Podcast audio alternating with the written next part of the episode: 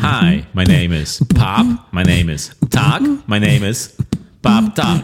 Witajcie w podcaście Pop Talk, w którym popkulturę bierzemy na poważnie. Dzisiaj rozmawiamy o filmie Wieloryb w reżyserii Darena Aronowskiego. A mówią do was Michał. I Marek. Zapraszamy.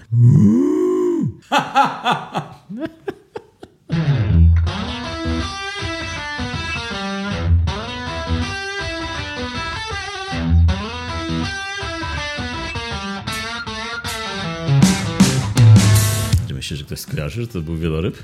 Na pewno ludzie skojarzą. Ludzie są mądrzy. This goes out for all the real people. Shout out dla Kamila. Zdrowiej, chłopaku. Zanim przejdziemy do tematu dzisiejszego odcinka, którym jest e, film Wieloryb, no to e, chcielibyśmy powiedzieć kilka słów o sensacji ostatnich e, dni, tygodni, takiej wiralowej sensacji, wiralowym hicie, który zawładnął niespodziewanie kinami. E, Na razie w Polsce, bo jako pierwsi w całej Europie mogliśmy obejrzeć film Skinama Ring. Żartujesz, byliśmy pierwsi w Polsce? Byliśmy, byliśmy pierwsi w Europie, no. Byliśmy w, pierwsi, w, w pierwszym rzędzie, byliśmy, można powiedzieć. Ciekawe czemu. Em, No myślę, że jest to zasługa naszego dystrybutora Velvet Spoon, który wywalczył, jak A. lew walczyli o te nasze prawa do, do puszczenia filmu w kinach. Albo po prostu inne kraje nie chciały tego filmu. Są dwie opcje. Albo husaria polska, albo nikt nie chciał. Albo po prostu Niemiec oddał. Niemiec płakał, jak oddawał kopię. Pewnie wszyscy słyszeliście ten tytuł ostatnio chociaż raz. e, Tytuł Skinema Ring. Jest to horror, który mm, był grany w polskich kinach przez weekend od 10 do 12 lutego i po tym 12 lutego cięcie, koniec, nie ma więcej filmów w kinach. Będzie jedynie jeszcze pokaz jeden i to będzie na festiwalu Octopus latem w sierpniu. Nice. Kaylee, Kevin. A no właśnie, Kevin. Był Kevin i Kaylee. A fajnie, że Kevina dali do domu. Fajnie, że Kevina dali. No, dla nas to było na pewno urozmaicenie usłyszeć Kevin w innym kontekście niż Tylko w tym filmie to nie wychodzi na dobre. Właściwie to też jest Kevin sam w domu. No Razem- właśnie, I'm, I'm trying to to powiedzieć właśnie, że jest Kevin, który był sam w domu i mamy teraz Kevina. Dwóch Kevinów samych w domu, tylko tutaj, tutaj była jeszcze Kaylee. Kaylee i Kevin. Tak, film, który stał się wiralowym hitem, a wieść o nim rozniosła się, kiedy to kopia tego filmu wyciekła przypadkiem z festiwalu filmowego. Nie wiem, czy gdzieś w Kanadzie, czy w Stanach. Festiwal kina gatunkowego i ten film miał być, miał być tam e, puszczany chyba online. Ale, ale, ale w, po prostu ktoś jakimś cudem e, nie zablokował tego i film wyciekł w internet i stał się sensacją na TikToku w ogóle, na, na platformach ściąga, do ściągania filmów.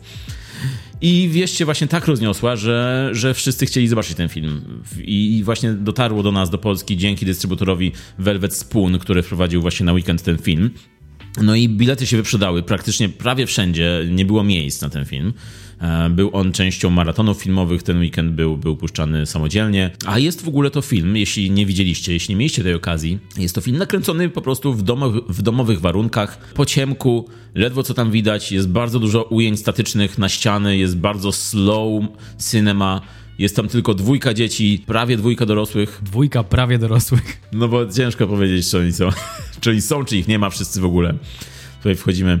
E, ciężko powiedzieć spoilery, bo ten film nie ma właściwie takiej fabuły sensu stricte, bo to jest taki film bardzo eksperymentalny. Tam jest dużo ujęć na ściany, na sufit, na podłogę. Tam bardzo mało się dzieje i to jest. Ciekawe, że jest, nazywają coś filmem eksperymentalnym, jak pokazują po prostu stałe ujęcia, 10-minutowe ściany.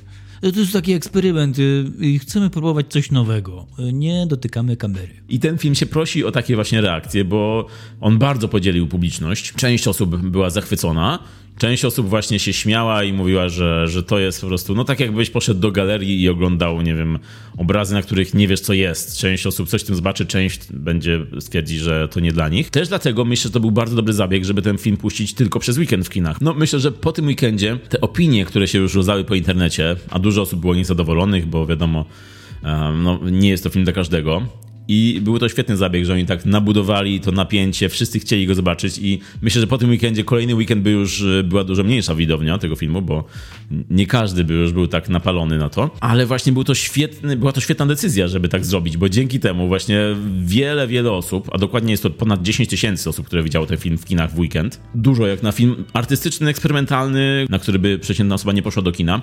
Właśnie to był świetny zabieg, że, że, że takie coś zrobili, że ludzie poszli myśląc, że to będzie coś innego, dostali coś innego. Nie są może zadowoleni podczas oglądania, ale myślę, że jakoś tam później do nich to gdzieś wróci w jakichś momentach życia, może w nocy, może we śnie, w koszmarze. Te, te ujęcia wrócą do nich. Michał, Marek. Twój jest bardziej przerażający. Twój mi dzisiaj się przypomni chyba. Oglądałem więcej horrorów po prostu. Ah, that's why. Tak jest. No, także my widzieliśmy ten film i mieliśmy tę może nieprzyjemność doświadczyć go podczas maratonu filmowego w multiplexie. I nie są to idealne warunki do oglądania tego filmu. Wręcz dalekie od idealnych. Agreed. Tak, tak, więc y, na pewno polecaliśmy wszystkim, żeby oglądali ten film w kinie studyjnym. E, gdybyśmy my wiedzieli, jaki to będzie, jakiego rodzaju to będzie film, to pewnie też byśmy nie wybrali multiplexu, ale no, ja bardzo chciałem zobaczyć ten film, ale dlatego też, że bardzo chciałem zobaczyć, to bardzo mało o nim czytałem i bardzo mało widziałem, wiedziałem idąc na niego. Mm, I gdybym wiedział, że to będzie aż tak eksperymentalne kino, no to też bym. Y, wybralibyśmy inaczej, myślę. Ale, ale bardziej myślałem, idąc na to, że to będzie coś typu Paranormal Activity, takiego bardziej, nie wiem, e, internetowego, wiralowego TikTokowego Paranormal Activity. I ten film jest porównywany z Paranormal Activity, ale według mnie to jest bardziej takie Blair Witch Project. Czyli dużo trzęsienia kamerą, dużo ujęć, gdzie nic się nie dzieje, nie wiadomo co się dzieje, musisz sam, mm, sam wywnioskować, sam dotrzeć do tego, co się tam e, na tym ekranie pokazuje. Mm, jest to film, mm, który ma atmosferę bardzo gęstą, ale którym nie ma takich typowo horrorowych zabiegów. Może jest tam jeden czy dwa jumpscary, które nie są też takimi typowymi jumpscarami, no bo to jest, nie zdradzając za dużo, są to momenty, momenty, które po prostu są głośne, gdzie jest jakiś dźwięk, czy coś się pojawia nagle na ekranie.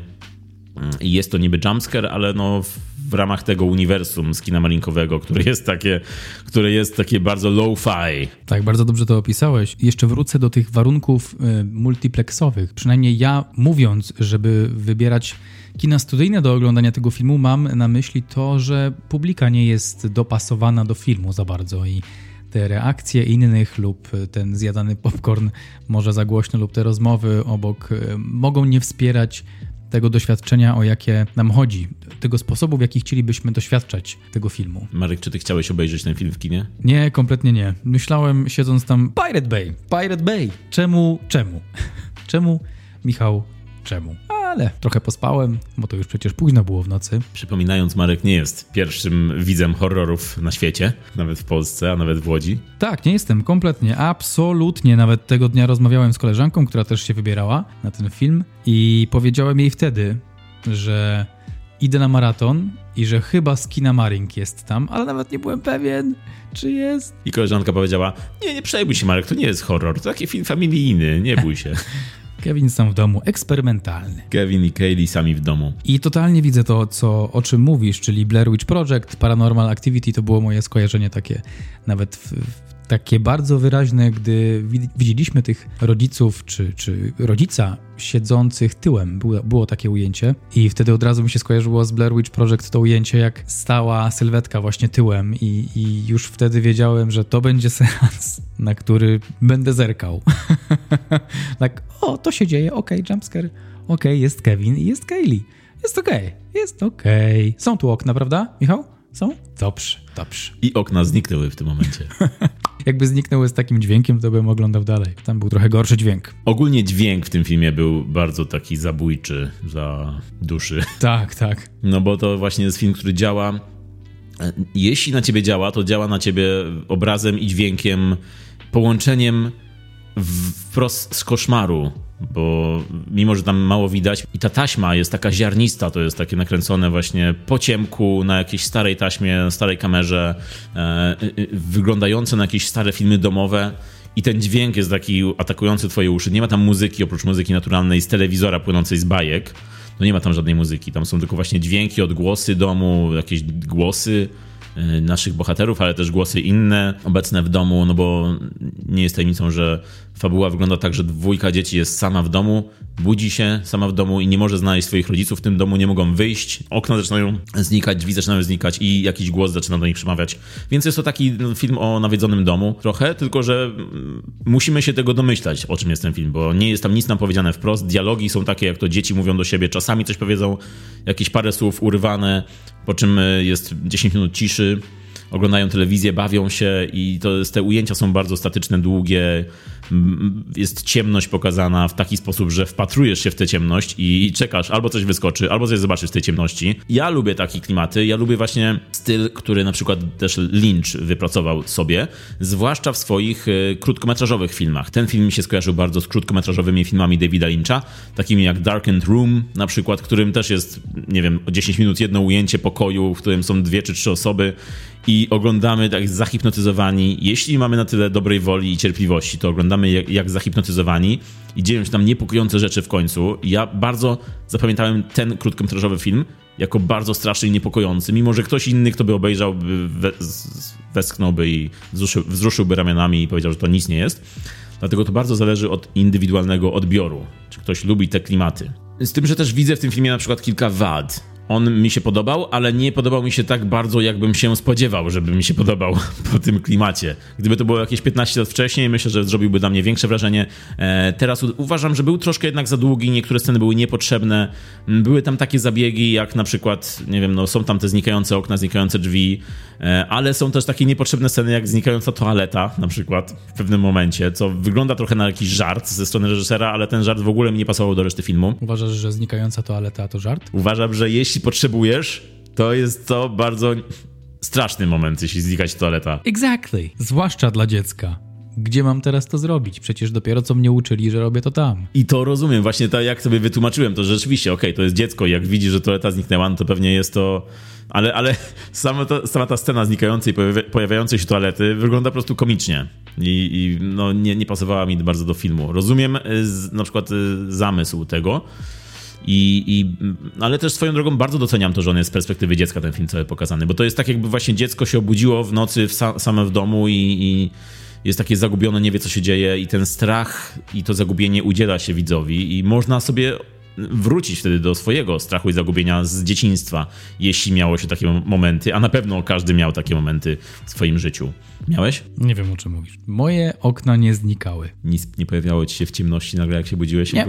Nie? Nie. Nie chcesz tam wchodzić? Nie. Nie otwieramy tych, tych drzwi. Nie. A w ogóle wiesz, dlaczego jest ten tytuł Skinamarink? Wiem, wiem. To jest chyba nazwa jakiejś kołysanki dla dzieci. Trochę zmieniona jest ta nazwa, ale... Tutaj jest akurat zmienione to, że jest przez jedno ny, a w oryginalne jest przez dwa ny i reżyser mówił, że specjalnie troszkę chciał zmienić, żeby jak dzieci będą wyszukiwać tą, y, tą, tą piosenkę dla dzieci, żeby nie nie przypadkiem nie trafiały na jego film. Mógł też nazwać ten film zupełnie inaczej. Myślę, że Google może podpowiadać dzieciom. Czy chodziło ci o ten straszny horror, w którym znika toaleta? Tak, masz rację, masz rację. Mógł, mógł nazwać ten film całkiem inaczej, ale nie zrobił tego. Ale, ale nie, fajne jest to wytłumaczenie, że właśnie, że, te, że reżyser mówi, że ta, ta piosenka kojarzy mu się z dzieciństwem, i, I, kiedy ją usłyszał właśnie jako dorosły, to takie miał nagłe właśnie taki powrót do dzieciństwa miał. Ale taki straszny, taki creep, Jeepers Creepers? No ta czy... piosenka, jak dzisiaj się jej słuchałem, słuchałem jej i, i, oglądałem, no to ona, ona wywołuje takie trochę what? I, I, kiedy są, kiedy oglądasz, ja, ja swojego czasu szukałem wiele takich starych, zagubionych lost films z lat 80., 90. z VHS-ów e, i i tam można znaleźć często filmy, które dzisiaj można uznać za niepokojące, a wtedy to były filmy dla dzieci po prostu.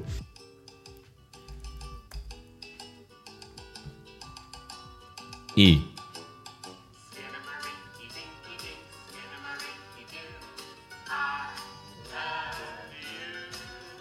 Przyjemna. Marek? Bardzo przyjemna. Klaun śpiewa to. Aha, ale krwiożerczy clown? No. Są inne? Nie, fajna, fajna piosenka mi wpadła w ucho. W tym filmie pewnie ma inne odniesienia i konotacje, ale, ale no nie jest użyta bezpośrednio ta piosenka, tylko jest w tytule. No, także ja bym mojemu dziecku nie pozwolił obejrzeć filmu Skinamarink na pewno, bo może zostawić ślady na psychice to jest film, który zostaje z tobą właśnie. Film, który możesz, y, możesz nie rozumieć w trakcie, ale po filmie myślę nawet zostaje z tobą. Także jeśli bym miał oceniać, to ode mnie byłoby to 7 na 10 za yy, dla tego filmu. Nie jest jednym z moich ulubionych horrorów, ale działa na pewno. Jeśli lubisz te klimaty, to działa nawet nie oglądając w kinie. To jest film, który zadziała po ciemku w nocy w, w, domu. Jak oglądasz, to też może wystraszyć. Dla mnie to była ósemka, bo ja bardzo pamiętam te momenty z dzieciństwa, kiedy okna znikały. Labirynt się powielał w tym mieszkaniu i i, i, ten sposób zrobienia, czyli ta, ta wizualność, odkurzała tą wyobraźnię dziecka, małego Marka i patrzenie w, cie, w ciemności, jak patrzymy w ciemności, to jest takie grube ziarno tak nawet jak swoich oczu używamy. I ten film bardzo wiernie oddawał horror dziecka. Naprawdę dajesz mu 8? Yep. Ty dajesz 8? Yep. Wow, więcej niż ja dajesz horrorowi? Yep. What is happening? No tak, ten, ta perspektywa dziecka jest tu bardzo ważna i jest przerażająca, rozdzierająca i to, co się tam dzieje, jeśli można sobie ułożyć jakąś tą fabułę z tych szczątków i strzępów, no to można ułożyć bardzo no, rozdzierającą serce fabułę. No i ten finał, który jest jakby odzwierciedleniem tego, że kiedy wpatrujesz się w mrok przez długi czas, to mrok zaczyna się wpatrywać w ciebie. To jest właśnie taki film, którym, który czujesz ciarki, kiedy patrzysz w mrok. Ale pozytywnym akcentem za, zakończmy to takim, że bardzo się cieszymy, że ten film można było obejrzeć w kinie. To jest nadal nisza, ale e, to jest nisza, która odniosła jakiś sukces u nas, co, co jest bardzo rzadko spotykanym zjawiskiem. No i fajnie, że w kinach się pojawiają właśnie horrory, które są inne, które są niszowe, tak jak teraz kina Marink. Ostatnio był Terrifier 2, a niedługo będzie też Kubuś Puchatek w wersji horrorowej, czyli Krew i Miód. Czekamy na to. A jak tam kokainowy miś? Wchodzi do kin w Stanach. A propos misiów. A propos misiów, no Ramboli Bamboli. W kinach w tym, w kinach już, już, już, już lada moment kokainowy miś. I też bardzo mnie ciekawi. Nie jest to horror, ale jest to film, który na pewno obejrzymy w kinie. A, a propos filmów, który można obejrzeć w kinie, Obecnie jest do obejrzenia nowy film Darena Aronowskiego, czyli Wieloryb. Willy the Whale! Hi, my name is Willy, and I'm a whale, and I like to swim, I like to say things. And I'm an alcoholic. But I don't drink, I don't drink. I'm sober now. Głównym wielorybem tego filmu był Brendan Fraser! Tak się go czyta właśnie. Czy tak się nie czyta właśnie Brendana Frasera? Bo kiedyś Denzel Washington w filmie, jak ten film się nazywał, nazywał Plan Doskonały i on był detektywem i ten detektyw nazywał się Fraser i e, Denzel Washington powiedział o sobie, że jest detektywem Fraser. Nie pamiętam tego tekstu, pamiętam ten film, ale na pewno pamiętam, że był serial Fraser sitcom taki. Mm -hmm. I, i, I, nie ma to w ogóle żadnego związku z dzisiejszym filmem, ani z Brendanem Fraserem, który nie jest Fraser, tylko Fraser. w każdym razie Brendan Fraser urodził się w grudniu 68 roku, czyli like my mom. Um, chciałbyś, czy to znaczy, że chciałbyś, żeby Brendan Fraser był twoim ojcem? Co? Co? Jak? Jak doszliśmy do tego? Does that make sense? Makes Opowiedz sense. mi o tym, Marek. Najpierw się położę. Kurczę, nie, nie chciałbym. Nie, chyba nie, ale interesuje mnie, że e, urodził się w Indianapolis w stanie Indiana. Chciałbyś się urodzić w Indianapolis w stanie Indiana? Gdybym miał do wyboru Indianapolis i Polskę? To, o to mnie pytasz? On się trochę urodził w Polsce, bo w Indianapolis. Hej! Brandon James Fraser I tak jak powiedziałeś, urodzony w 1968 roku, jest on kanadyjsko-amerykańskim aktorem, bo ma pochodzenie kanadyjskie i amerykańskie. By się przeniósł do Kanady, tak, nie? Jakoś tak. At some point. Obywatelstwo, nie pochodzenie, chciałem powiedzieć. Mhm. I mieszkał w Kanadzie i, jest uznawane za jedno z dóbr narodowych kanadyjskich. really? Ale on też udziela się charytatywnie bardzo, więc może też z tej perspektywy. Ale jako aktor też wiele wniósł do kultury. No właśnie, i to jest y, moment, w którym powinniśmy powiedzieć, co Brendan Fraser wniósł do kultury. A mianowicie, co wniósł do twojej kultury, Marek, najpierw? Co wniósł... Ale dobre pytanie, Michał. Co wniósł do mojej kultury? Otóż... Funny story, actually. Ponieważ ja dubbingowałem jego film. Film z nim. Podkładałem głos pod niego. Pod niego Tak, w podróży do wnętrza Ziemi. Tak? Był taki film? był taki film, ale ty byłeś Brendanem Fraserem? Byłem filmie? Brendanem Fraserem, tak. Brałem udział w takich warsztatach dubbingowych i tam właśnie podkładałem głos pod Brendana Fraser. w jednym fragmencie filmu. Było bardzo śmiesznie, bardzo śmiesznie było. Pozdrawiam ekipę z warsztatów dubbingowych. Hashtag Warszawka. No ale oprócz tego doświadczenia złotego, małego, ale złotego, to dla mnie Brendan Fraser to George prosto z drzewa. George prosto z drzewa. yo, yo, yo. Ale mumia też. Mumia i George prosto z drzewa. Ale najpierw był George. I potem była mumia. I tych mumiach bardzo mi się podobał facet. Dobry był. Michałku. Dobry był. No, no to, to trzeba przyznać rzeczywiście, że był dobry i dobrze wyglądał. I był takim Indianą Jonesem e, lat 90. trochę i 2000 później. E, I to, była, to był film, który się wtedy oglądało, pamiętam, za dzieciaka. Mm, Wszystkie, no nie, pierwszą i drugą część, trzecią to już nie bardzo może. I e, dawno nie wracałem do tego filmu. Mm, Pamiętam, że był taki przyjemny, sympatyczny i jak w telewizji na postacie leciał, to fragmenty się oglądało. No i właśnie Fraser był tam on był tam pierwszy raz i, i chyba jedyny w swojej karierze był takim bohaterem kina akcji i takim gościem, który rzuca fajnymi tekstami, ale też ratuje kobietę i, i kopie tyłki. Kopytyłki, ym, ociosana szczęka, wyrobiona klata, długie włosy. Tak, tak. To był taki bohater kina akcji. A nie było to takie wtedy oczywiste, bo on zaczynał w latach 90. od komedii raczej. On głównie grywał w komediach i były to takie komedie jak Odlotowcy z Adamem Sandlerem i Steve'em Buscemi. Były komedie z Tutaj shoutout dla wszystkich, którzy w latach 90. chodzili do wypożyczalni. On grywał w komediach z Paulim Shorem. Paulie Shore to był taki aktor komediowy, który, którego dzisiaj być może ktoś pamięta jako właśnie aktora, który grał w komediach, ale grał w takich głupich komediach i grał w takiej głupiej postaci, że były to irytujące wręcz komedie. Moje ulubione. I takie filmy jak Sędzia Kalosz, Eko Jaja, Oczywiście. to są, to są te tytuły. Szalone Zięci, Służba Niedłużba to, to są filmy, w których Brendan Fraser grał też y, tam z nim. No i e, zaczynał też od, od filmu Jaskiniowiec z Kalifornii, gdzie grał swoją pierwszą główną rolę jako właśnie ten jaskiniowiec z Z Kalifornii. Nie z Indianapolis. E, Także on lata 90. właśnie spędził jako ten aktor komediowy, e, tylko z przerwami na jakieś poważniejsze tytuły, takie jak Las Namiętności z 95, The Passion of Darkly Noon w oryginale, bardzo dobry film swoją drogą, czy też e, na przykład Bogowie i Potwory z Ianem McKellenem. Sir Ian McKellen. Był te, była też komedia Atomowy Amant, którą bardzo dobrze pamiętam i dobrze wspominam. O. To był bardzo przyjemny film, który oglądałem kiedyś na odkodowanym HBO. Nagrałem sobie na kasetę i chyba parę razy nawet z rzędu obejrzałem, bo bardzo był fajny, przyjemny i zabawny. Mm, Także jeśli jesteście fanami Brendana Frasera i nie widzieliście Atomowego Amanta, no to polecam. No i później właśnie przyszła Mumia w 99 roku. Wtedy już się stał wielką gwiazdą, nie tylko kina akcji. Mnie w latach 90. Brendan, Brendan Fraser, byłem wtedy wiadomo jeszcze nastolatkiem, znaczy no, dzieckiem, później nastolatkiem i wydawał mi się Brendan Fraser jako takim aktorem, który nie jest typowym aktorem hollywoodzkim, który jakoś tam się dostał do Hollywoodu i gra w tych filmach, tak, ale jakoś, nie wiem, przypadkiem może tam jest, Tak, tak, tak. tak, nie był takim oczywistym hollywoodzkim typem aktora właśnie I, i pamiętam, że właśnie zawsze się zastanawiałem oglądając filmy z nim już później, ale, ale dlaczego on? Jak Co to się stało? Jak to się stało? Wujek jakiś? coś? Także, także pamiętam właśnie to uczucie, które towarzyszyło mi oglądając na, na, przykład właśnie taką mumię, gdzie się dziwiłem, że, że właśnie Brendan Fraser jest bohaterem kina akcji typu Mumia lub Mu- Mumia powraca. A teraz po latach patrzę na to, że on naprawdę super tam wypadł i, i super wyglądał, bardzo pasował i był taki lekki, zabawny, ale też nonszalancki. Mm, Całkiem inaczej teraz patrzę na niego niż, niż wtedy.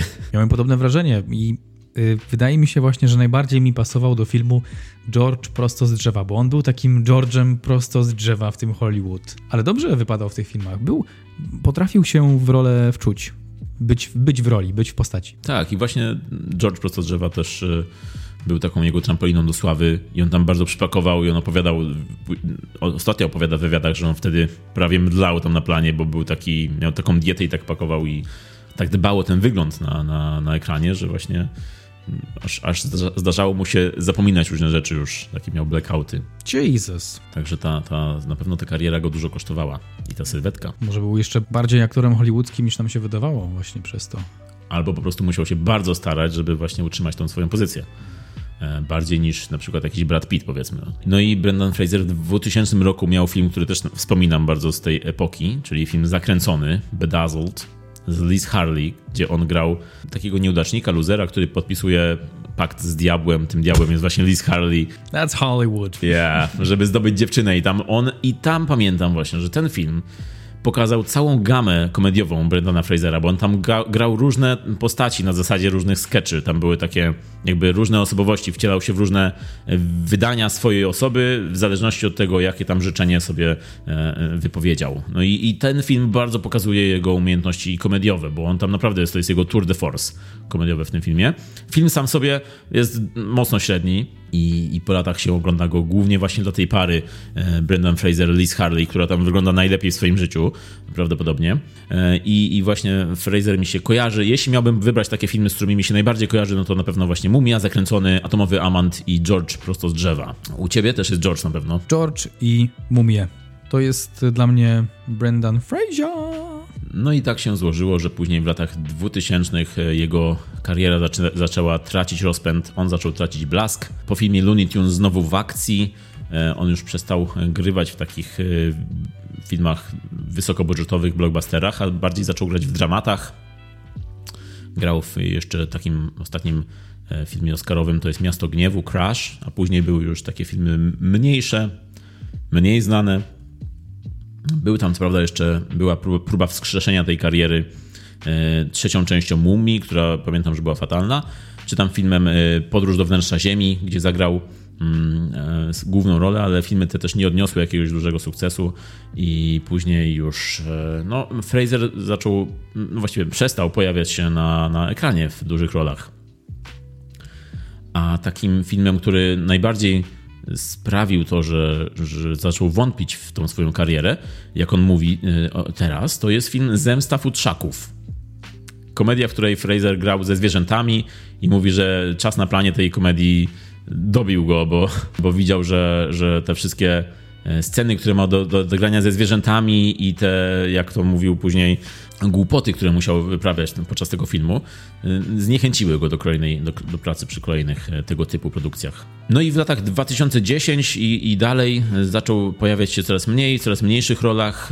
To były też lata, kiedy zaczął mieć problemy zdrowotne, prywatne. Pojawiło się też molestowanie seksualne przez, y, on o tym mówił już y, lata później, że molestował go szef Złotych Globów, szef Stowarzyszenia Hollywoodzkiej Prasy Zagranicznej, które organizowało Złote Globy i szef tego stowarzyszenia nagabywał go do seksu i molestował go w jakiś sposób, co odbiło się bardzo na jego mm, późniejszej karierze i na jego psychice i go bardzo pociągnęło do dołu. No i wszyscy zaczęli się zastanawiać, e, co się stało z Brendanem Fraserem. Pojawiły się te filmiki Whatever Happens to Brendan Fraser.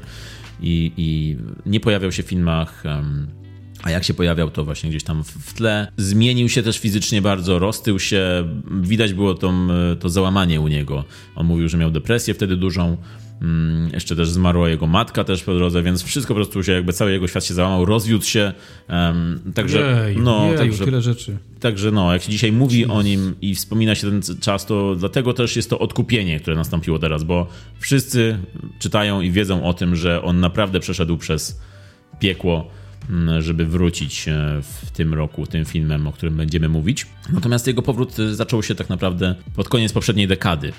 E, wrócił na przykład serialu The Affair, w jednym z kolejnych sezonów grał strażnika więziennego, ja go tam zobaczyłem pierwszy raz od wielu, wielu lat na ekranie, bo bardzo dobry serial swoją drogą, The Affair, polecam każdemu. No i Brendan Fraser grał tam, grał tam postać, taką, taki czarny charakter, bardzo paskudną postać, ale jak się pojawił na ekranie, to ja nie byłem pewien, czy to jest on. To był moment, kiedy zobaczyłem go pierwszy raz od wielu lat i zobaczyłem, jak się zmienił, jaki był duży i, i, i w ogóle całkiem inaczej wyglądał.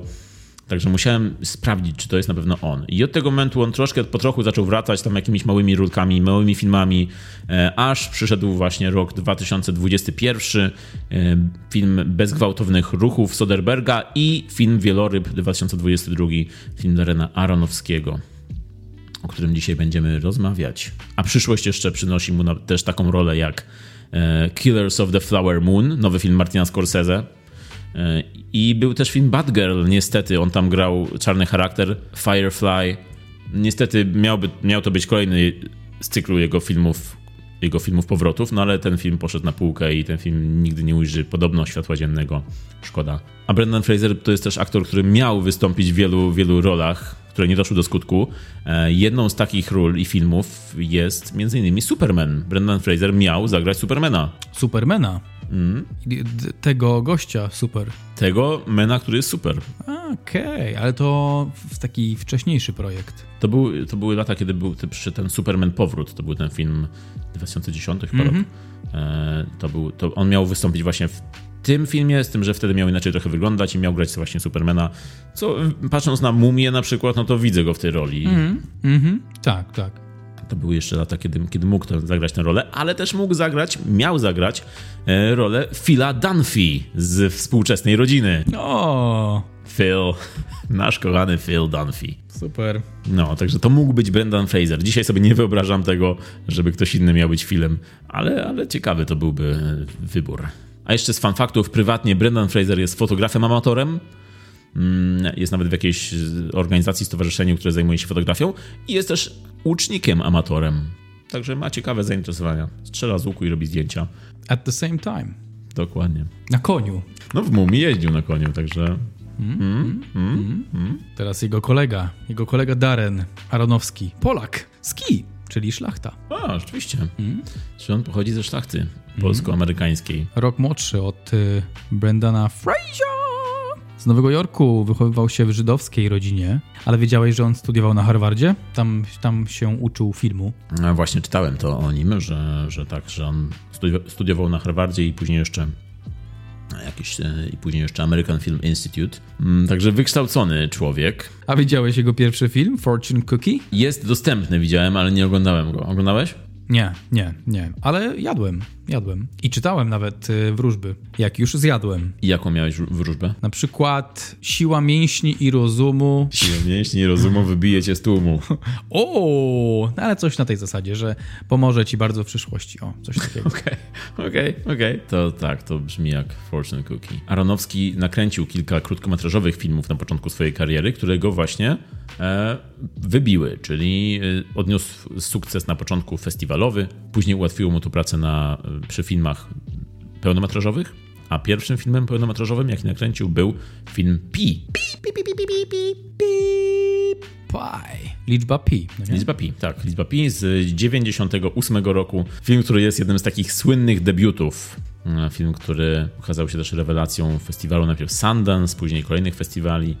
E, Film czarno-biały, zrobiony na kamerze 16 mm, takiej z ziarnem, a propos Skinamaringi dzisiejszego. Tak jest. No i film e, też taki z cyklu takich odjechanych debiutów, e, czyli bardzo Jak Eraserhead? No Odjechany? właśnie w tym stylu, dokładnie w tym stylu, tylko że bardziej fabularny niż Razorhead, bardziej skupiony na psychologii postaci, bo tam jest jednak fabuła widoczna, ale jest to film taki typowo niezależny, ofowy, kamera się trzęsie, razem z bohaterem są, e, jest elektroniczna muzyka, która towarzyszy takim scenom bardziej abstrakcyjnym. E, no i w ogóle swoją drogą muzyka, tam jest świetna, pamiętam jak, e, jak trafiłem na ten soundtrack, muzyka Clint'a Mansella, z którym nawiązał współpracę później z Tałą Aronowski, no to było wielkie odkrycie muzyczne. Czy to jest ten, co zrobił?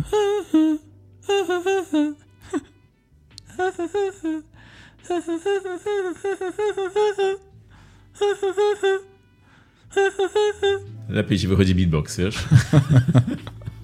To jest ten, co zrobił muzykę też do kolejnego filmu Aronowskiego, czyli do Requiem dla snu. Mm, tak, no te dwa filmy bardzo ugruntowały pozycję Aronowskiego właśnie. Pi, taki niezależny debiut zrobiony za małe pieniądze bardzo, za 130 tysięcy dolarów e, nakręcony film niezależny, zrobiony w 98 roku, zarobił 3 miliony, także duży sukces. I tym bardziej jak na kino artystyczne, no bo to jest film artystyczny, ale zrobiony bardzo efektownie, bo on jest, już wtedy było widać po Aronowskim, że ma, ma wyczucie kina, montaż, e, muzyka, zdjęcia, one mimo tego budżetu i mimo tego, tego offu widocznego to było tam ta energia filmowa była widoczna, którą później wyniósł na wyższe poziomy w Rekwiem dla snu.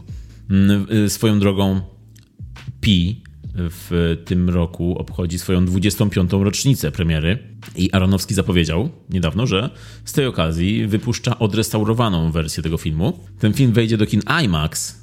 Zakładam, że w Stanach, bo w Polsce chyba nie będzie puszczany, ale do IMAXu wejdzie w dzień Pi, jest taki dzień, 13 marca, czyli to już za, za bardzo niedługo. I odrestaurowali ten film do jakości 8K. 8K? Tym bardziej jest to dziwne, bo film był nakręcony w 16, min w 16 mm, więc Yeah. on sam mówi, że to będzie w 8K będzie wyglądał, będzie piękne ziarno po prostu. będzie na ekranie piękne ziarno. Em, także no, fajnie, fajnie, że, że tak zrobili, że film będzie można obejrzeć w kinie. Ja go dawno nie widziałem, pamiętam, że bardzo mi się podobał. Mm, e, No ale nie tak jak Requiem dla snu, który był myślę takim wielkim momentem dla wielu ludzi. Może zbyt wielkim nawet. Tym momentem trochę za wcześnie był dla mnie tym momentem. Ten film przerażający był, ale w ogóle on był taki kontrowersyjny, dużo tam pokazywał ym, dużo brudnej prawdy na temat tego, jak to wygląda. Nie romantyzował, tylko dramatyzował, ale tak w taki sposób y, urealniający. Na moją psychikę bardzo zadziałał. To, był, to było straszne. Ten obraz był taki smutny z płaczem, co tam się działo, co tam się wyczyniało, jak te postaci się powoli staczały, jak spadały po tej drabinie społecznej. Masakra. O, okrutne, okrutna, okrutna prawda. I dotyczy to każdej z postaci. Każda, każda z postaci zasługiwała na jakieś, na ogromne współczucie. Po prostu na początku przynajmniej to współczucie było ogromne, potem w miarę popełniania błędów to było zrozumienie, ale, ale współczucia coraz mniej i, i to było po prostu smutne wszystko. Bardzo, bardzo pamiętam taki dołujący film. I nawet ta muzyka, która była piękna, ale też była taka dołująca. I kiedy się słucha dzisiaj, nawet po tych latach, no nadal, nadal przychodzą te sceny i takie uczucia, mm, raczej smutek przychodzi. Dokładnie, dokładnie. Te smyczki zawodzące razem z elektroniką. No, super soundtrack, jeden z najlepszych chyba soundtracków życia. Tak, tak, smutne, smutne. Ale super, ale super muzyka. Super. Ale super muzyka, no Bardzo co tam, co tam super muzyczka była. E, No, także film bardzo łamiący e, swoich bohaterów i widzów. No i Aronowski od tego czasu stał się takim twórcą, reżyserem, który bardzo działa na emocje i bardzo próbuje złamać właśnie widza na każdy sposób możliwy. Nic jeszcze nie widziałeś. A jego trzecim filmem e, było słynne swojego czasu Źródło, The Fountain. Widziałeś? Film widziałem, tak, widziałem, pamiętam na festiwalu Camera Image. Na Camera Image? Na Camera Image, znane też jako Camera Image. Rimaż. w Łodzi. Oglądałem Kamer. ten film. Tak. Wow, wow, wow. Podobało ci się źródło? Oj, bardzo pamiętam. Bardzo na mnie wywarło wrażenie wtedy. I to był film też, który bardzo dzielił widzów, bo to, a to był artystyczny blockbuster zrobiony za 35 milionów dolarów. Film nie dla każdego, który odniósł klęskę w box office i później już niechętnie dawali Jaronowskiemu tak duże pieniądze.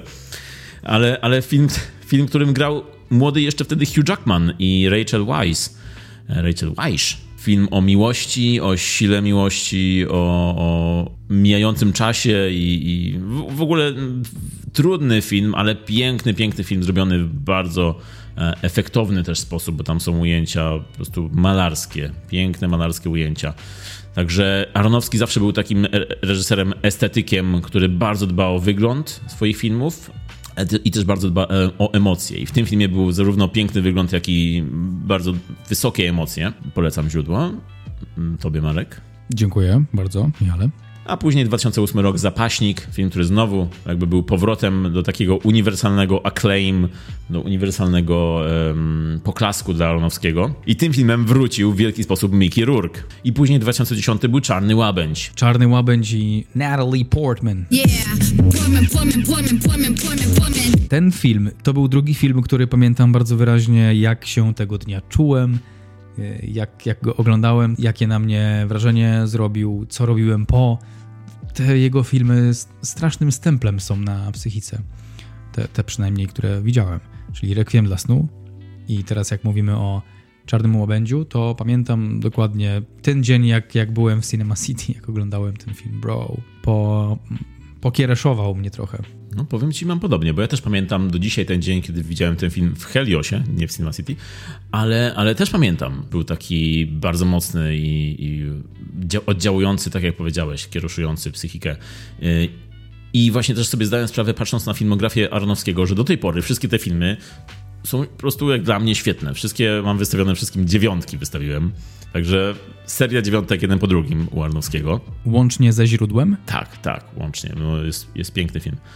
E, No i do tej pory właśnie były to takie bardzo, to, do tej pory była to bardzo mocna filmografia. Później przyszedł 2014 rok i film Noe wybrany przez Boga. A to jego jest. No way. E, Także film biblijny. Oglądałeś? tak, tak. I sort of liked it. A, okej. Nie, nie był taki straszny. Jak przypominam sobie ten film, to mam taki zapalnik, że a, obejrzałbym jeszcze raz. Ja nie skończyłem tego filmu, szczerze mówiąc. Tak, nie, nie, nie przypadł mi w ogóle do gustu i, i był zbyt już taki wprost biblijny. Aronowski zawsze miał takie y, ciągoty do przypowieści i on lubi takie przypowieści, a tutaj to jest już taka wprost przypowieść, no dosłownie wzięta z Biblii, jak to tytuł wskazuje. Ale nie, nie, nie, podobał mi się ten film i był już zbyt dosłowny jak na, jak na niego. Na pewno był to zaskakujący wybór dla, dla tego reżysera i był to dziwny mm, tytuł w jego filmografii. Po takich filmach właśnie mm, przyszło, przyszło widowisko biblijne, ale później, trzy lata później, już w 2017 roku przyszedł znowu stary, dobry Aronowski w filmie Mother. Nie dało się tego słowa inaczej powiedzieć. Mother! Tam jest wykrzyknik na końcu, więc musiałem zaakcentować. Mother! Z Jennifer? Tak, z Jennifer Lawrence i Javierem Bardemem. Film, który też podzielił publiczność, no i tu właśnie Aronowski lubi dzielić publiczność. Film, który jest, no, jest dziwny na, na różne sposoby. Film, który jest y, znowu przypowieścią z jednej strony, a z drugiej strony taką wycieczką w głąb piekła i, i wciąga w czeluści jakichś dziwnych rzeczy, które się tam zaczynają dziać. Także trudny w odbiorze, e, film, który lubię i do którego bardzo chętnie bym wrócił, bo to jest taki niespodziewany horror się robi z niego w trakcie. Trochę w stylu Polańskiego, takich horrorów Polańskiego, takiego osaczenia, zamknięcia. I, tak, także Mother lubię bardzo. No i teraz właśnie po tych pięciu latach wrócił filmem Wieloryb. No i nie będę ukrywał, że jest to po dobrej stronie Aronowskiego ten film jest, czyli jak dla mnie jest to dobry Aronowski, That's your opinion. i tak, to jest spoiler, podobał mi się, ale y, powiedz Marek, spoiler, podobał ci się? Tak, dobry był, dobry był ten film. Dzięki, że słuchaliście nas. Nie możemy za dużo powiedzieć, bo niewiele z was go jeszcze widziało, mimo że jest w kinach od piątku, 17 lutego, więc mogę powiedzieć, że ten film tak tytułem wstępu, bo oczywiście jeszcze coś powiemy. I na pewno uzupełnimy to też na koniec nagrania, ale uważam, że film ogólnie był dobry. Dla mnie osobiście nie był aż tak e, rewolucyjny, ale to jest coś, o czym pewnie jeszcze porozmawiamy. To o czym jest Wieloryb? Opowiada o postaci, która ma na imię Charlie. Charlie. Charlie bit me. Chodzi o Charlie'ego, którego gra Brendan Fraser. Nauczyciela. Takiego chyba nauczyciela kreatywnego pisania. Waży on około chyba 300 kilo i nie za bardzo jest mobilny człowiek.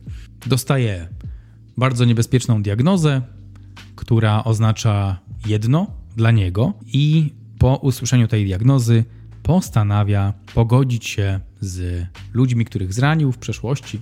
Postanawia pogodzić się przede wszystkim z córką. Chce się pogodzić z córką, ta, którą e, zostawił dawno temu i której nie wychowywał, bo jest po rozwodzie. I chce teraz nadrobić, e, u schyłku swojego życia chce nadrobić, chce, chce odpokutować e, te swoje błędy i, i właśnie naprawić relację z córką, co jest niemożliwe i rzeczywiście jest to bardzo, bardzo trudne w odbiorze, no bo córka jest dla niego bardzo niemiła i córka, no niemiła to mało powiedziane nawet, po prostu go nie akceptuje i wyzywa go. No i nic dziwnego, że, że jej podejście jest jakie jest, bo on się na, nagle pojawia się w jej życiu po tylu latach. Mm, No i jest to interesowne. e, Ona odbiera to jako coś interesownego z jego strony. I, I jest to wypełnione. Ten film jest właśnie wypełniony takimi trudnymi relacjami, trudnymi rozmowami między Charliem a osobami otaczającymi go. Niedużo jest tych osób, ale, ale są. E, Jedne są właśnie takie jak jego córka, są mu bliskie. E, Jest tam też e, Liz, grana przez Hong Chao. Ona się nim zajmuje. Ona jest jego opiekunką, ale ma też z nim głębszą relację mm, rodzinną, można powiedzieć, tu nie będziemy wchodzić w szczegóły, ale, ale na pewno jest kimś bliższym dla niego niż tylko opiekunką, pielęgniarką. No i też ona umie porozmawiać z nim, potrafi mu powiedzieć tak twardo, ostro, tak żeby, żeby posłuchał czegoś, a jest Charlie bardzo trudnym człowiekiem, widać po nim. No jest zamknięty w sobie i w swoim mieszkaniu To, się, to jest taki film pandemiczny pod tym względem, że Charlie jest bohaterem, który siedzi w zamknięciu. E, No, no wiadomo, że ze względu na swoją wagę, ze względu na to, że się nie może ruszać, ale też e, przypomina to właśnie sytuację izolacji trochę, tak jak, jak przez którą przechodziliśmy wszyscy. No i ona, ona próbuje jakoś e, go motywować, z tym, że jest to taka tough love z jej strony. Tak, próbuje to widać, że ma na niego sposób, że może do niego dojść, ale też z drugiej strony jest dla niego wyrozumiała i respektuje jego decyzje, które są szkodliwe bardzo dla niego. Tak, jest bardzo trudnym człowiekiem, widać Charlie, trudnym bohaterem, bo e, to, że jest grany przez Brendana Frasera, który ma właśnie ten wygląd i te oczy takiego szczeniaczka, oczywiście pod tonami charakteryzacji i, i tego fatsuit, jak to się nazywa, no to te oczy jego Brendana Frasera są takie bardzo empatyczne, bardzo takie pełne uczuć, takich dobrych uczuć widać, e, mimo że robi złe rzeczy, takie mm, samo okaleczające wręcz siebie, to, to widać, że, że tam są jakieś głębsze uczucia i takie... Jest to wrażliwy człowiek, widać po prostu, który sobie nie radzi. No. Także jest to film, który rozgrywa się w tym mieszkaniu. Jest cały film jak sztuka teatralna e, w jednym miejscu z kilkoma osobami, oparty na dialogach. No i nic dziwnego, bo to jest właśnie, to była sztuka teatralna oryginalnie. To właściwie bardzo widać, że w tym filmie jest budowa teatralna, sceny i akty są bardzo wyraźnie zaznaczone. Wszystko, co się dzieje w tym filmie, jest mocno oparte na relacjach i w tych relacjach, w tych dialogach widzimy najwięcej. Czasem nawet do tego stopnia te sceny są zbudowane teatralnie, że, że takie było moje odczucie, że, że czekałem aż zgaśnie ekran i ktoś będzie scenografię zmieniał na kółkach. Bo bardzo, bardzo wyraźne to było, dało się to odczuć. Ale samej sztuki nie widziałem oryginalnie, nie widziałem nigdzie. Dowiedziałem się dopiero, że to jest na podstawie sztuki, jak obejrzałem film. No to jest ktoś, kto widział sztukę i jest to reżyser Darren Aronofsky. Okej, i teraz go będziemy gościć. No i Aronofsky zobaczył sztukę któregoś dnia, e, jeszcze to było lata, lata temu i bardzo mu się spodobała. Bardzo się wczuł, wzruszył się, mówił, że płakał razem z widownią i stwierdził, że musi przenieść ten film na ekran kinowy, bo dzisiaj ludzie za rzadko płaczą w kinie. I on stwierdził, że to jest film, na którym ludzie będą płakać e, i na którym e, ludzie będą czuli emocje, tak jak on poczuł właśnie podczas tej sztuki. E, Autorem sztuki jest Samuel Hunter i y, jest ona inspirowana trochę jego życiem, bo on pracował jako, jako taki wykładowca na kursie kreatywnego pisania i, i podobną sytuację miał z tym, że, że był w depresji i był w takim dołku i nakazał swoim uczniom napisać coś szczerego, dokładnie tak jak y, mówi bohater Charlie w filmie i mówił, że, że opowiadał, że poprosił uczniów, żeby napisali mu coś szczerego i któryś uczeń napisał mu coś takiego, że go właśnie to bardzo, bardzo dotknęło, ruszyło i pomyślał właśnie, że o tej relacji wtedy z kimś nieznajomym, która nagle przez jakieś jedno, jedno y, wypracowanie, zdanie, cokolwiek y, mogła połączyć ich w jakiś sposób. I, i z, tego wzięła się, pom- z tego wziął się pomysł na tą sztukę. Samuel Hunter jest dramatopisarzem, ma na koncie wiele sztuk. Ta jedna jest przeniesiona na ekran e, do tej pory, wieloryb, ale ma też na koncie scenariusz do serialu, który polecam fanom offbeatowej komedii, czyli serial Baskets z Zakiem Galifianakisem w roli głównej. Film, który był również tworzony, współtworzony przez Louisa C.K., nie film, tylko serial, przepraszam. E, Bardzo zabawny, bardzo odjechany serial, który chyba dzisiaj już nie jest na streamingu, ale swojego czasu był mm, na HBO bodajże. Mm, e, Baskets, e, jak będziecie mieli okazję, zobaczcie. Mm, No, także Samuel Hunter bardzo rozbieżne tutaj ma e, zainteresowania, bo tutaj ten film Wieloryb i ta sztuka jest taką, takim wyciskającym łzy dramatem. A od tego czasu, kiedy Aronowski obejrzał tę sztukę, próbował 10 lat stworzyć, e, przenieść to na ekran, ale przez te 10 lat nie mógł tego zrobić, bo nie mógł znaleźć aktora do roli głównej. Tutaj po drodze były różne pomysły. Swojego czasu, zanim jeszcze Aronowski miał reżyserować, do filmu był przywiązany inny reżyser, czyli George Clooney. To miał być film Clooney'a swojego czasu i e, nie wyszło to, bo Clooney chciał nakręcić to z aktorem rzeczywistego rozmiaru. On nie brał pod uwagę właśnie jakiejś charakteryzacji prostetyki, tylko chciał, chciał aktora. No i wiadomo, że nie wyszło to, no bo nie mogli znaleźć kogoś takiego, więc Clooney zrezygnował. Później e, kandydatem był też Tom Ford, reżyser Samotnego Człowieka z Colinem Firthem i reżyser Zwierząt Nocy. E, I on też miał stworzyć to, mm, a główną rolę miał zagrać nie kto inny jak James Corden. Ojejku, nie, nie, nie, nie. Hell no, man. To samo, to samo pomyślałem, w ogóle nie pasuje. E, Chodzi oczywiście o gospodarza e, talk show Late Late Show with James Corden, e, którego pewnie bardziej znacie z Carpool Karaoke. Także ja wyobrażam sobie tą wersję, jako James Corden nagle w tym fatsucie wstaje i zaczyna śpiewać podczas, podczas trwania filmu. To, był, to byłby ten James Corden, ale no nie wiem, jaki miał pomysł Tom Ford na to. Na pewno my tego nie widzimy. Nie? I wtedy właśnie Aronowski po jakimś czasie, po, podobno po 10 latach, natrafił przypadkiem w telewizji na zwiastun filmu Podróż do końca nocy. Journey to the End of the Night, w którym jedną z głównych ról gra właśnie Brendan Fraser. Mniej znany film Frasera, e, film gdzieś jakiś brazylijski chyba e, film, w której e, w zwiastunie którego właśnie Aronowski zobaczył Frasera i zobaczył w nim swojego bohatera. Okej. Charlie'ego. I tak się zaczęło. I dobrze, że znalazł jego, no bo w tym momencie nastąpił taki prawdziwy, jak to się dzisiaj nazywa, brenesans. Tak jest. Thank you for bringing this up, Michael. Renesans to jest pojęcie, które oznacza renesans i dotyczy Brendana Frasera. To nie nazywa się Frasiesans, tylko Czyli, ale no to może też chodzić o Brangelinę. Mm, I don't think so. Yeah, well. That's old news. No to może Brada Pitta. Bran... Nie, to, to nie, to był Branesans. Bradesans musiał być wtedy. Ale on, Bradesans, on ma no. zawsze swój renesans, Brad Pitt. Tak, ma zawsze sans. Czcionkę. On ma czcionkę, Comic Sans. Fajnie, że ten Renesans powstał, no nie? Że mamy, że mamy twórcę, który znalazł swojego aktora i mamy aktora, który dopasował historię scenariusza do swojego życia. To jest taka odkupieńcza historia dla człowieka, który kiedyś dużo znaczył dla kina i potem zniknął i przeżył sporo piekła i potem wrócił. And now he's back with the brand new track i to jest właśnie Brendan Fraser. Fraser ma obecnie bardzo wysokie szanse Oscarowe. Jest nominowany w kategorii najlepszy aktor i jest na pierwszym miejscu według bookmacherów, czyli w wszystkich zakładach jest na pierwszym miejscu. Mm, tak, i mówi się bardzo o jego zwycięstwie w tej kategorii. No i nic dziwnego, bo jest to świetna rola, wielka rola, jak już się zwykło mówić o tym filmie. I jest to właśnie taki od, odkupieńczy, odkupieńcza też rola, tak jak powiedziałeś, bo, bo on z tego idola lat 90 e, komediowego aktora i później aktora, który zniknął i, i, i wrócił, pokazując swoją gamę emocji, swoich umiejętności aktorskich tym filmem.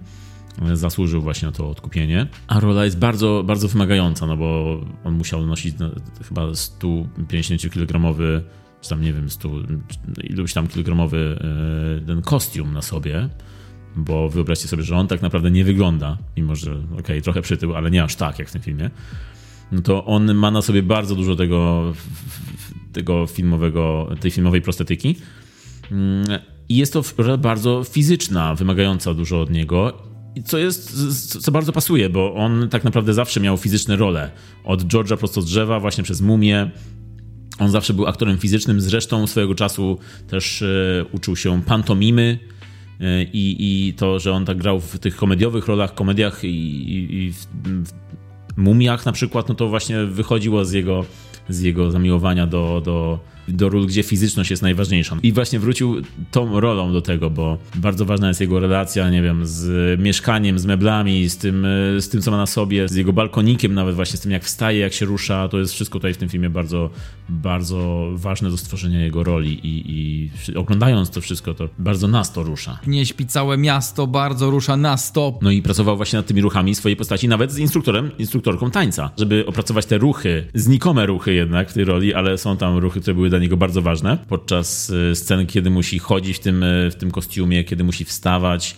No, były to sceny bardzo podkreślane w filmie jednak. Każdy ruch jego był pokazywany, zbliżany, no, nacisk był duży na właśnie ruchy jego w tym filmie. Ale swoją drogą przygotowywał się oczywiście z grupami wsparcia osób otyłych, Czyli no było tutaj dużo przygotowania, co, co widać, że mu się odpłaciło i zwróciło już, no bo te wszystkie nagrody, które dostaje. A propos otyłości, no to pojawiły się przy okazji tego filmu y, kontrowersje pewne dotyczące portretowania osób otyłych.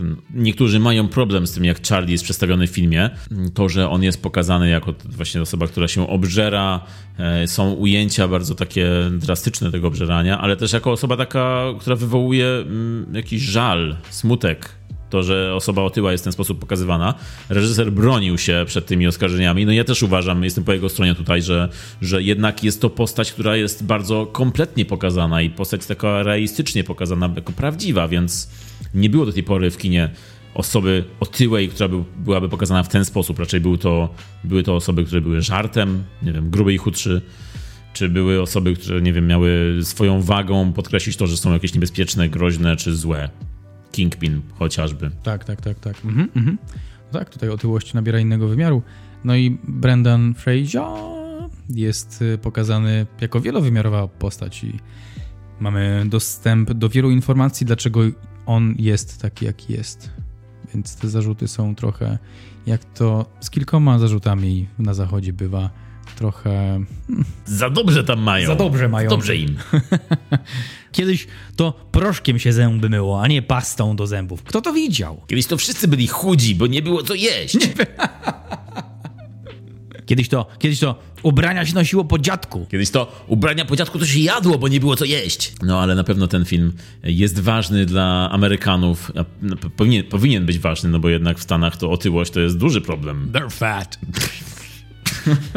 To jest wypowiedź, na którą powinni się obrazić, a nie na portretowanie Brendana Frasera jako otyłej osoby. Dobrze, że nas nie słuchają. A nie, mamy kogoś ze Stanów. Dobrze, że nie mamy nikogo w Chicago. Nie, właśnie słuchają nas w Stanach, Chicago. Pozdrawiamy Chicago, bo, bo ktoś nas słu- słucha tam, więc y, jeśli tego słuchacie, nie obrażajcie się na ten Nie, komentarz. nie róbcie tego. Ale, ale serio, powinien to być film, który ma duże znaczenie w Stanach, no bo to jednak... E, They are fat. ja, ja. Na mnie wrażenie jeszcze zrobiła Sadie Sink grająca Ellie, czyli córkę Brendana Frasera, no i Samantha Morton grająca byłą żonę, czyli Mary. Kurczę, dobra była ta dynamika między nimi, taka ostra i realistyczna. Spoko, bardzo spoko, ale bardziej podobała mi się Sadie Sink, bo ona jest no, taką młodą aktorką i można powiedzieć, że się poważniejszych rolach dopiero pojawia od niedawna. Widać, że miała jakieś zasoby i wyniosła to na ekran i podobało mi się to właśnie, że, że tam są te zasoby, że je obserwujemy. Widać, że się rozwija na tym ekranie dziewczyna. Dobrze jej idzie. Aktorka znana głównie do tej pory ze, z serialu Stranger Things. Jako E, z Max. Z roli, tak, Max, e, czyli no już, już, już jest duża właśnie. E, Tym serialem do, zrobiła dużą karierę, a tym filmem Wieloryb pokazała, że ma też właśnie duże umiejętności aktorskie, bo zagrała świetnie.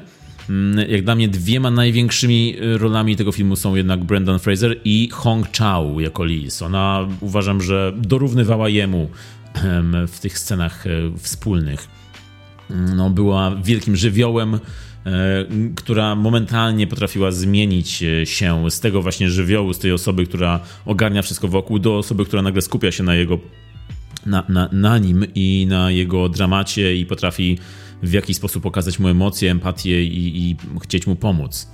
No, była to też wielka rola. Mm, Także to jest, to jest y, Sadie Sink swoją drogą naprawdę bardzo dobra, ale, ale jednak to Hong Chao i Brendan Fraser mają, mają ten film jak dla mnie. No i zresztą oboje są nomino- nominowani do Oscara e, w tym roku. Swoją drogą Hong Chao e, dużo improwizowała na planie i reżyser opowiadał, że każde ujęcie z nią wyglądało inaczej. Że kiedy mówili akcja, to ona nagle coś dodawała innego, coś, coś zmieniała, co, co podobało się Aronowskiemu, ale domyślam się, że było takim mm, nietypowym e, sposobem pracy na planie. Także mamy tu kilkoro bohaterów, każdy z tych bohaterów jest inny, każdy ma swoją dynamikę i, i każdy ma swosu, swój sposób e, rozmowy z Charliem, bo to jednak Charlie jest tym słońcem, wokół którego wszystko się kręci. On siedzi na tej kanapie na, na środku pokoju, co reżys- reżyser podkreśla, że naprawdę w żadnym mieszkaniu kanapa nie stałaby na środku pokoju, a tutaj ustawili ją na środku, żeby właśnie podkreślić to, że wszystko się dzieje wokół niego, że on siedzi w centrum tego mieszkania i wokół niego kręcą się wszyscy, rozmawiają z nim tylko tak jak dosłownie Słońce i planety. Powiedzieliśmy sporo o tym filmie, ale teraz nasze odczucia i emocje e, wchodzą w grę i czas na podsumowanko. Zauważyłeś, że wieloryb to jest jakby wiele ryb. Tak, tak, że, że, ale że on jest taki duży jak wiele ryb. Znaczy chodziło mi ogólnie o słowo wieloryb, nie w kontekście filmu, że nazwa wieloryb tego saka to jest jakby wiele ryb było, złożyło się w jedną wielką rybę. Może to jest po prostu wiele ryb, to są takie podwodne Ła, ławice, tak? ławice ryb. I ktoś to zauważył. Widziałeś kiedyś wieloryba? Nie, nie wiadomo, czy istnieją, tylko media ci powiedzą. Właściwie. powiedzą. No, masz rację. No, masz rację tutaj. Nie widziałem, więc nie wierzę w wieloryby. W jednorożce tak. Widziałem, na, jest, jest na tym, na Peczkowskiej stoi. Dokładnie. Nie widzieliśmy wieloryba stojącego na Piotrkowskiej. Nie, wszystko opieramy o to, co jest w Łodzi tylko. Łódź równa się cały świat. Tak. Tak, czyli nazwa wieloryb już rozkminiliśmy, ale jeszcze a propos filmu, wieloryb to jest takie trochę burn w stronę bohatera, nie? Zobacz, jaki z niego wieloryb. Trochę tak, trochę tak. Aronowski zakrywa się kinem artystycznym, ale jak jest sam w pokoju z żoną, to mówi, ty, przeszła ta nazwa. Czaisz to? I was laughing my ass off. A oni to zaakceptowali. Jeszcze ha, owację na stojąco dostaliśmy. 6 minut. Słyszałaś to? Tego się nie zmyślisz. To jest... Życie pisze najlepsze scenariusze. Zawsze ci mówiłem. Film Wieloryb. Historia odkupienia i zaglądania głęboko i bez litości w siebie. Studium poczucia winy, introspekcja na sterydach. Całość filmu skupia się na, na pewnej traumie, też powiedziałbym, na nieuleczonym obszarze ze świata głównego bohatera, na relacjach, w których właśnie te problemy wychodzą i tam je zauważamy. Aronowski według mnie po raz kolejny pokazuje, że umie z aktorów wyciągać ten rdzeń, to, to, to mięso i Brendan Fraser jest tego najlepszym przykładem. Mimo tego make-upu i tego, tej całej charakteryzacji, która była ogromna, udaje mu się wydobyć postać, a może właśnie dzięki niej. I taką postać, e, którą kochamy i której nam jest e, żal. I to wyglądało trochę tak, jakby Brendan zdawał sobie sprawę z ciężaru, jaki ta postać nosi i udźwignął cały ten ciężar z klasą. Czy na Oscara? A, no nie wiem. Może jednak nie wiem. Czy akurat na Oscara, ale jest to idealny pretendent do. Wpisuje się w politykę rozdawania Oscarów. No i ma super historię, taką właśnie odkupieńczą. Pojawia się po wielu latach, przeszedł dużo. Muzyka bardzo mi się podobała, uważam, że jest świetna. Jak jej słucham, to mam wrażenie, że jestem obok jakiegoś ogromnego płetwala błękitnego. Czuję ogromny szacunek, jest monumentalnie i epicko. Za to odpowiada Rob Simonsen. Też działał w takich filmach jak Ugotowany, 500 dni miłości czy Cudowne tu i teraz. Jeśli nie będziecie płakać przez to, co się dzieje na ekranie, to będziecie płakać po wciśnięciu guzika play przez twórców, bo muzyka naprawdę robi ogromne wrażenie. To, co jest wyjątkowe w tym filmie, to struktura. Scenariusz jest oparty na sztuce. Widać bardzo, że film em, odwzorowuje realia teatralne. Mamy wyraźne podziały, mimo że nie są podpisywane, to da się odczuć, kiedy przechodzimy z jednego momentu do drugiego, z jednego aktu do drugiego. Widzimy, że film i ta historia jest opowiadana głównie poprzez dialogi między postaciami, czyli to, co się tam wydarzy, tego się dowiadujemy. Scenografia jest raczej statyczna, beat bardzo przypomina ten teatralny. Nawet przy tych scenach, czy to Charliego introspekcji większej, czy jego odwiedzania innych pomieszczeń, widać ten monolog na twarzy który, który chce wypowiedzieć, nie zawsze wypowiada, a jak już wchodzi w dialog, to widać jak e, te postaci i ich rozwój nabiera tempa. Ogólnie mam problem z tym filmem, bo sporo osób mówi, że płakało na nim. Ja jak siedziałem na seansie podczas festiwalu we Wrocławiu em, i w jednej ze scen była tak podświetlona widownia, można powiedzieć, bo był taki jasny ekran, to słyszałem chlipanko, widziałem chlipanko, ale ja nie miałem chlipanka. I intelektualnie rozumiałem, że to jest głębokie czućko na poważnie, e, ale do mnie to czućko nie trafiło, bo wydawało mi się to trochę pretensjonalne. Troszeczkę. Nie wszystko miało dla mnie też jakby związek między tym, co się działo na ekranie. Uważam, że kilka wątków mogło być trochę niedoprowadzonych do końca. To jest tylko moje odczucie, ale był ten był ten feeling Aronowskiego, czyli sporo emocji, sporo trudnych emocji, sporo konfrontacji. Film zostawia ludzi sponiewieranych i powstaje taka chęć pójścia na terapię. Tak, takie miałem odczucia, jak patrzyłem na, na, na ten film, a zwłaszcza na końcowe sceny. Ode mnie idzie 7 na 10. Uważam, że film to był dobry, dobry, bo nie trzepnął mną jakoś mocno. I bardzo przebijała się ta teatralna stylistyka, co mi osobiście troszeczkę przeszkadzało w odbiorze tego konkretnego utworu. 7 na 10 uważam, że Brendan był rewelacyjny, był świetny, trafił na swoją rolę, miał medium, przez które mógł przepuścić wszystkie swoje, nawet personalne przeżycia, traumy, trudniejsze chwile i wydobył to na ekranie. Słychać to w scenach, gdy załamuje mu się głos, widać jaką ciężką podróż emocjonalną odbywa. Według mnie jest on tym słońcem, tym właśnie wokół którego i tak jak powiedziałeś, wszystko się dzieje fizycznie na planie i w scenariuszu też wszystko się dzieje. To on to wszystko prowadzi i to było bardzo widać i ogromny szacunek mam dla niego. I mam nadzieję, że to nie jest y, koniec, że to nie była gwiazda, która jasno zabłyszczała tak nagle i zaraz się wypali, tylko że to światło będzie utrzymane przez lata jeszcze. Dziękuję bardzo. Pozdrawiam.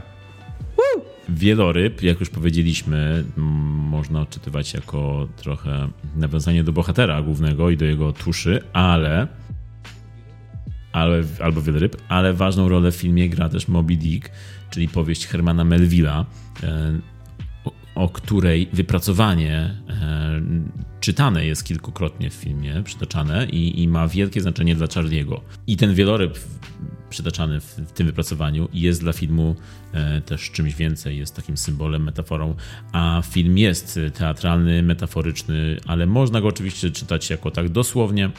Mm, e, Darren Aronowski wrócił ze swoimi obsesjami, motywami, które lubi i, do który, i o których opowiada zawsze w swoim kinie.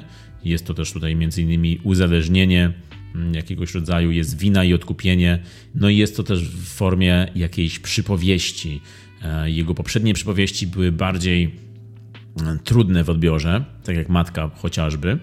E, Wieloryb jest dużo łatwiejszy w odbiorze. Nie ma tutaj dziwności, jest taki bardziej wprost, bardziej e, angażujący widzów e, prostymi środkami.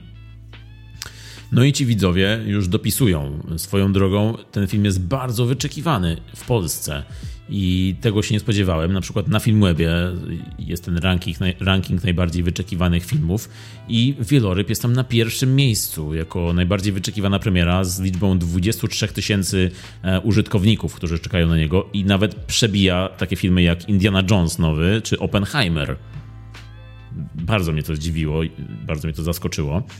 Pozytywnie oczywiście, no bo jest to jednak film artystyczny, e, który ludzie chcą oglądać.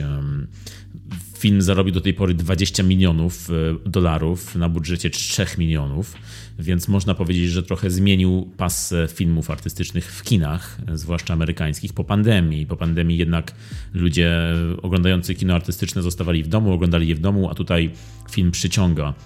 Jest to właśnie na jest to na pewno bardzo duża zasługa Brendana Frasera i tego renesansu, te, te, tego jak się mówi o tej roli i o nim w kontekście tego filmu.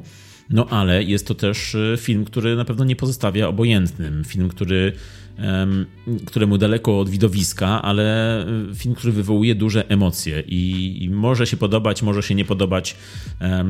Tutaj już w przeciwieństwie do poprzednich filmów Arnowskiego nie jest to film, który może drażnić formą, czy może, może się nie podobać dlatego, że jest zbyt dziwny, tylko może się nie podobać dlatego, że może być zbyt szczery, zbyt tak e, na wierzchu ma swoje emocje. Ktoś może uznać to na przykład za kiczowate albo za pretensjonalne. Bro, That was me a second ago. Tak, Marek, to do ciebie. Mm, Mnie nie pozostawił obojętnym, mnie bardzo wzruszył ten film, bardzo zadziałał mi na emocje i bardzo mi się podobał.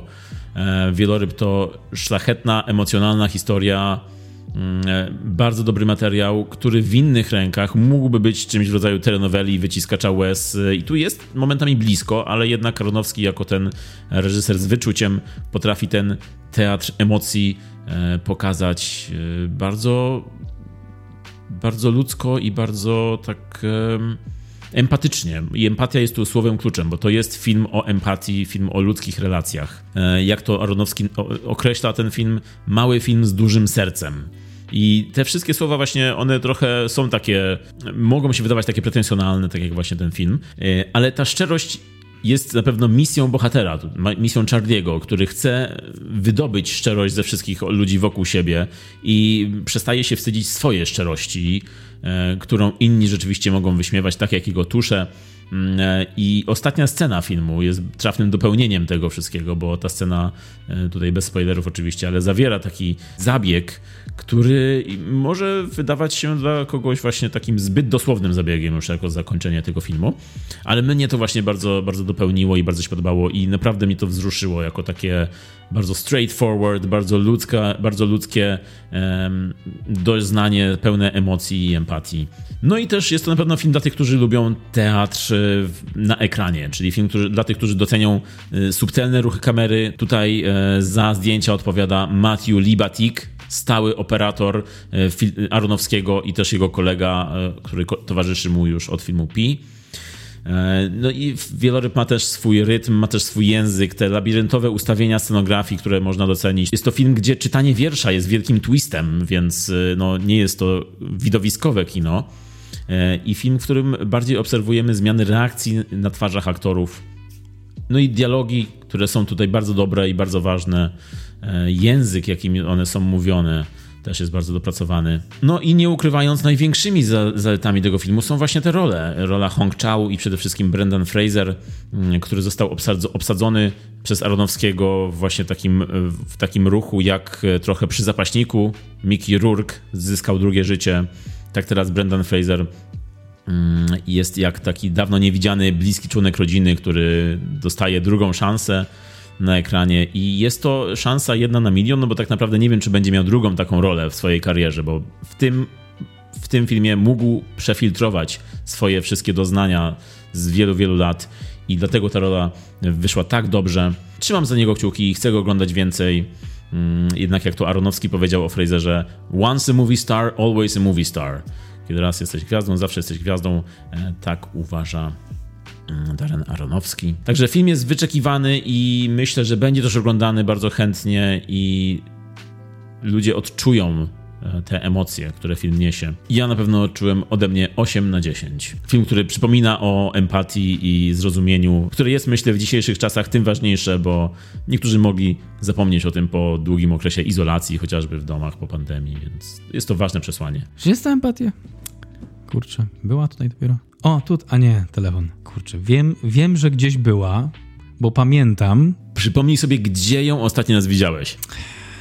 Empatia, empatia, kurczę. Patrzyłeś w kieszeniach? Tak, tak, sprawdzałem kieszenie, sprawdzałem kurtkę, nawet na kompie sprawdzałem, wiesz, w, folderach, ale nie mogę, nie mogę znaleźć. Wiesz, co możesz zrobić? Możesz obejrzeć film Wieloryb, który jest dostępny teraz w kinach. Wow! Totalnie zgadzam się z tobą, zgadzam się z tym, co powiedziałeś, Michał. Bardzo ładne dostarczenie.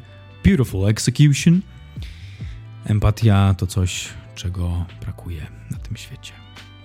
I Brendan, pokazując tą empatię w filmie, to było piękne, to było piękne. No można, można popłakać. Dużo ludzi płakało i będzie płakać na tym filmie. To jest tak jak w, ostatnio jest kilka takich filmów do płaczu. Jest Wieloryb, jest film Blisko, który też wchodzi zaraz do kin, na którym można popłakać. Także jeśli lubicie płakać w kinie, to będziecie mieli co robić. Michał, ja nabrałem empatii po tym, co ty powiedziałeś, po tym, jakie podsumowanko zaserwowałeś. I na fali tej empatii i tego czućka chciałem powiedzieć, że bardzo dziękuję, że nas słuchacie i że z nami jesteście. I że na dzisiaj kończymy, ale niedługo wrócimy. Dzięki, że z nami jesteście, że nas słuchacie i pamiętajcie, że jesteśmy w mediach społecznościowych jako totalny brak kultury. Mm, Zostawcie nam saba, lajka, cokolwiek e, możecie zostawić. Pieniądze też mogą być.